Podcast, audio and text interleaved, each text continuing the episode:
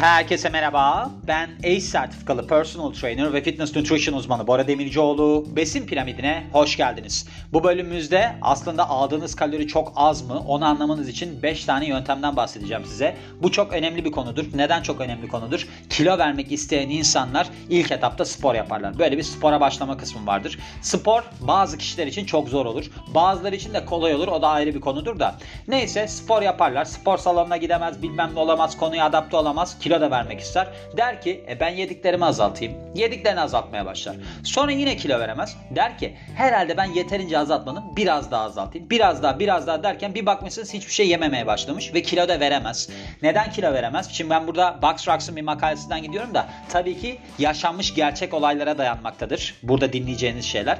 Şimdi ben 16 yaşındaydım. Bundan birkaç bölümde de bahsettim ben. O zamanlarda acayip bir diyet yapmaya başladım ben. Şöyle Cola Light yeni çıkmış ve bununla beraber de altın başak var. Ben bu ikiliyi alıyorum, yiyorum. Yaklaşık galiba altın başak 250 kalori falan.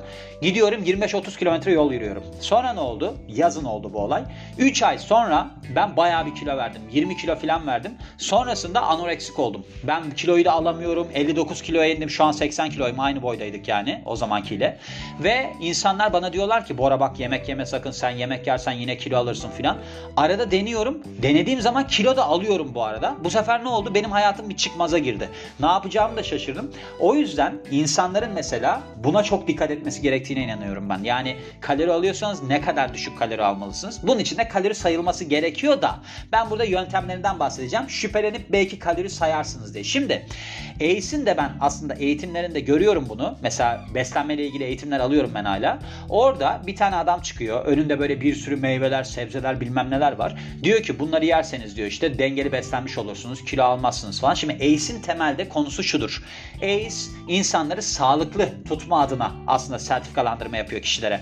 Ben yani insanları sağlıklı tutma üzerine gidiyorum. Yani benden şöyle bir şey duyamazsınız. İşte steroid kullan, şöyle vücudun olsun, böyle vücudun olsun. Kendim de kullanmam, insanlara da önermem. Ama tabii ki kimse mükemmel değildir.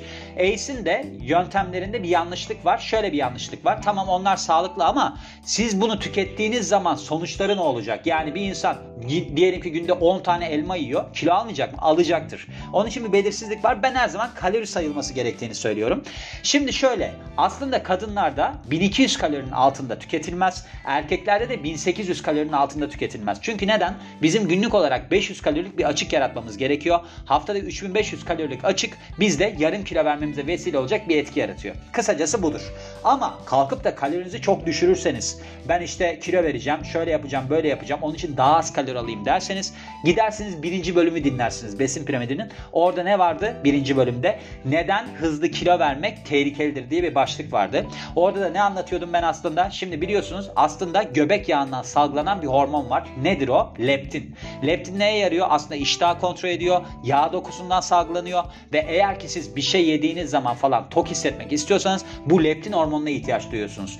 Şimdi diyelim ki siz kilo veriyorsunuz. Kilo verdiğiniz zaman yağ dokunuz gittiğinde bu sefer leptin hormonu salgılanmamaya başlıyor.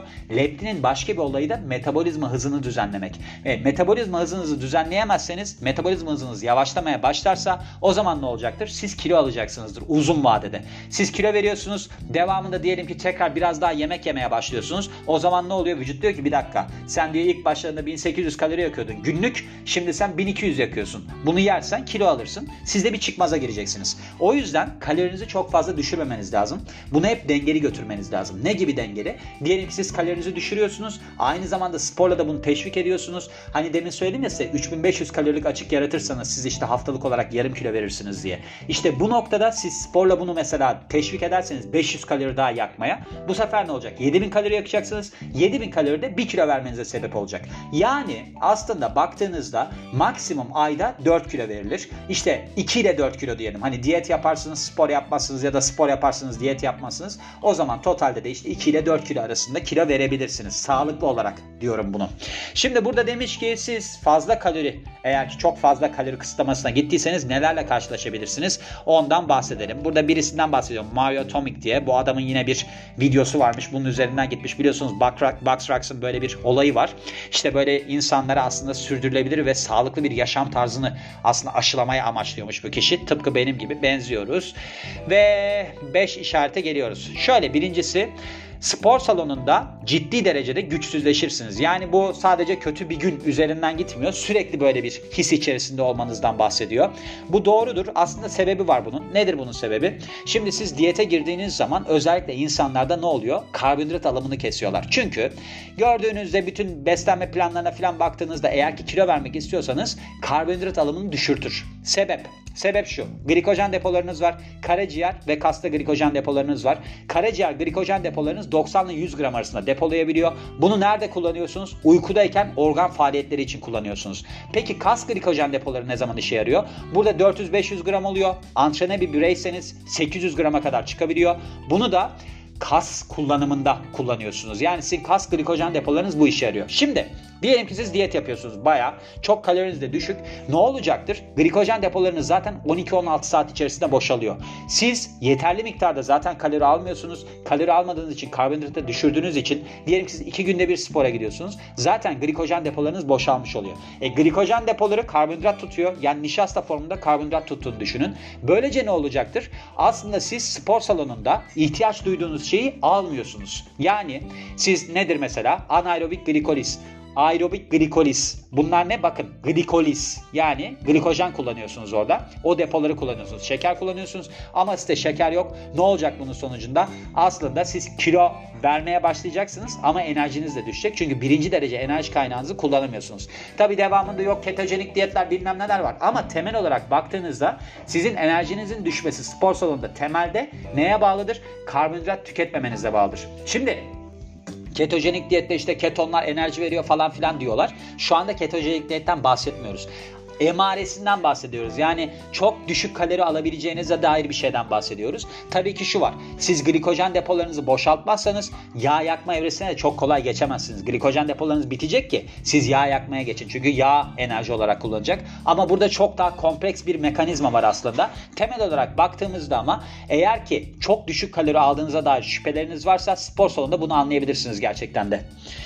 İkincisi çok hızlı kilo vermeniz. Şimdi çok hızlı kilo verirseniz birinci bölüme dönersiniz. Hani benim ilk besin piramidinde yaptığım bölüm var ya çok hızlı kilo vermek neden kötüdür diye. Çünkü şöyle sizin aslında vücudunuzdaki yağ oranının düşmesi demek ileride kilo alacağınızı size gösterir, onu söyler. Onun anlamını oradan anlayabilirsiniz. Saçma sapan da bir cümle oldu. Şöyle yani. Şimdi çok hızlı kilo veriyorsunuz mesela. Burada demiş ki mesela eğer ki sizin %25'ten fazla vücut yağınız varsa haftada bunun %1'ini atmaya çalışın. Yani vücut ağırlığınızın %1'ini düşürmeye çalışın. Eğer ki %20 civarında bir vücut yağınız varsa haftalık olarak gene vücut ağırlığınızın %5 ile yüzde 5'i diyorum %0.5 ile %0.7'sini atmaya çalışın. Bunlar çok önemli değil. Demin ben size söyledim oranları. Yani haftalık olarak olarak maksimum 1 kilo verirsiniz. Yani minimumda yarım kilo verirsiniz. Oradan yola çıkabilirsiniz. Ama çok hızlı kilo veriyorsanız orada bir şüphelenin. Çünkü eğer ki çok hızlı kilo veriyorsanız anlayın ki kas dokununuzu da veriyorsunuz. Kas giderse uzun vadede kilo almaya başlarsınız. Çünkü kasın kalori yakıcı etkisi var. Onun için önemli. Ve şöyle demiş aşırı derecede fazla hile günleri yapmaya başladıysanız. Şimdi burada psikoloji bozuluyor. Hile günleri ne? Böyle bir tıkınma evresi. Mesela bu şeylerde çok olur işte bu bulimya hastalarında işte anoreksiya nevro, nevroza hastalarında falan anoreksiklerde çok olur. Neden olur? Bunlar çok düşük kalori aldıkları için bir noktadan sonra kontrolü kaybediyorlar. Kontrolü kaybettiklerinde binge eating dedikleri durum vardır mesela tıkınma şekli. Niye tıkınma oluyor? Çünkü psikoloji bozuluyor bir noktadan sonra. Serotonine ihtiyacı var. E, serotonin salgılanamıyor. Yani nörotransmitter o ortaya çıkamıyor. Niye çıkamıyor? Çünkü temelde triptofan amino asidinin karbonhidratla aslında etkileşime geçmesi gerekiyor. E, o zaman çok düşük kaloride bunu da yapamıyorsunuz. Bunu sağlayamıyorsunuz. Vücut stres durumuna giriyor. Stres durumuna girdiğinde rahatlaması için karbonhidrata ihtiyaç duyuyor. Siz de böyle tıkınıyorsunuz, sıkınıyorsunuz. Ardından mesela onlar yeme bozuklukları ile ilgili bölümlerde var dinleyebilirsiniz. Onlarda böyle bir huzursuzluk başlar. Aşırı derecede spor yapma, aşırı derecede diyet yapma falan durumları gelişir. İşte eğer ki çok böyle kafanız gidiyorsa ya ben ne yapsam ne etsem bir şeyler yesem falan gibi durumlara geliyorsanız çok düşük kalori alabilirsiniz. Dördüncü olarak açlığınız kontrolden çıkıyor. Bu yine aynı aslında sebep sonuç ilişkisi. Çok az kalori alırsanız bir noktadan sonra vücudunuz böyle bir saldırmaya başlar yemeklere. Çünkü leptin metabolizmayı aslında toparlıyor. Bir de leptin hormonu düştüğü zaman ne oluyor? Siz doymuyorsunuz. Çünkü tokluğu leptin yağ dokusundan salgılandığı zaman vücuda söylüyor. Yani beyin oradan mesajını alıyor. E yağınız düşmüş, siz hiçbir şey yapamıyorsunuz, hiçbir şey yiyemiyorsunuz. Bunun devamında da aşırı derecede acıkmaya başlarsınız. Bence en aslında altı çizilmesi gereken madde bu. Aşırı derecede acıkıyorsanız kesinlikle çok düşük kalori alıyorsunuzdur. Kesin diyorum size.